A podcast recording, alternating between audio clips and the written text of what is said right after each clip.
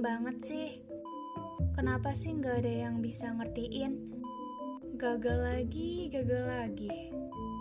Capek kayak gini terus. Kapan ya aku bisa kayak dia? Kapan aku bisa hidup enak? Kapan kepastian itu datang? Kenapa sih tiba-tiba dia hilang? Kapan aku bisa berdamai dengan diri sendiri? Kesulitan mengeluh dan menunggu adalah makananku setiap hari. Hampa banget sih. Kesempatan itu tak memberi kesempatan. Kenapa ruang ini pahit sekali? Ada gak sih yang bisa ngerasain kayak aku? Merasakan itu semua adalah hal yang wajar, tapi kadang manusia juga butuh kata-kata bermakna supaya bisa ngubah resah jadi bahagia.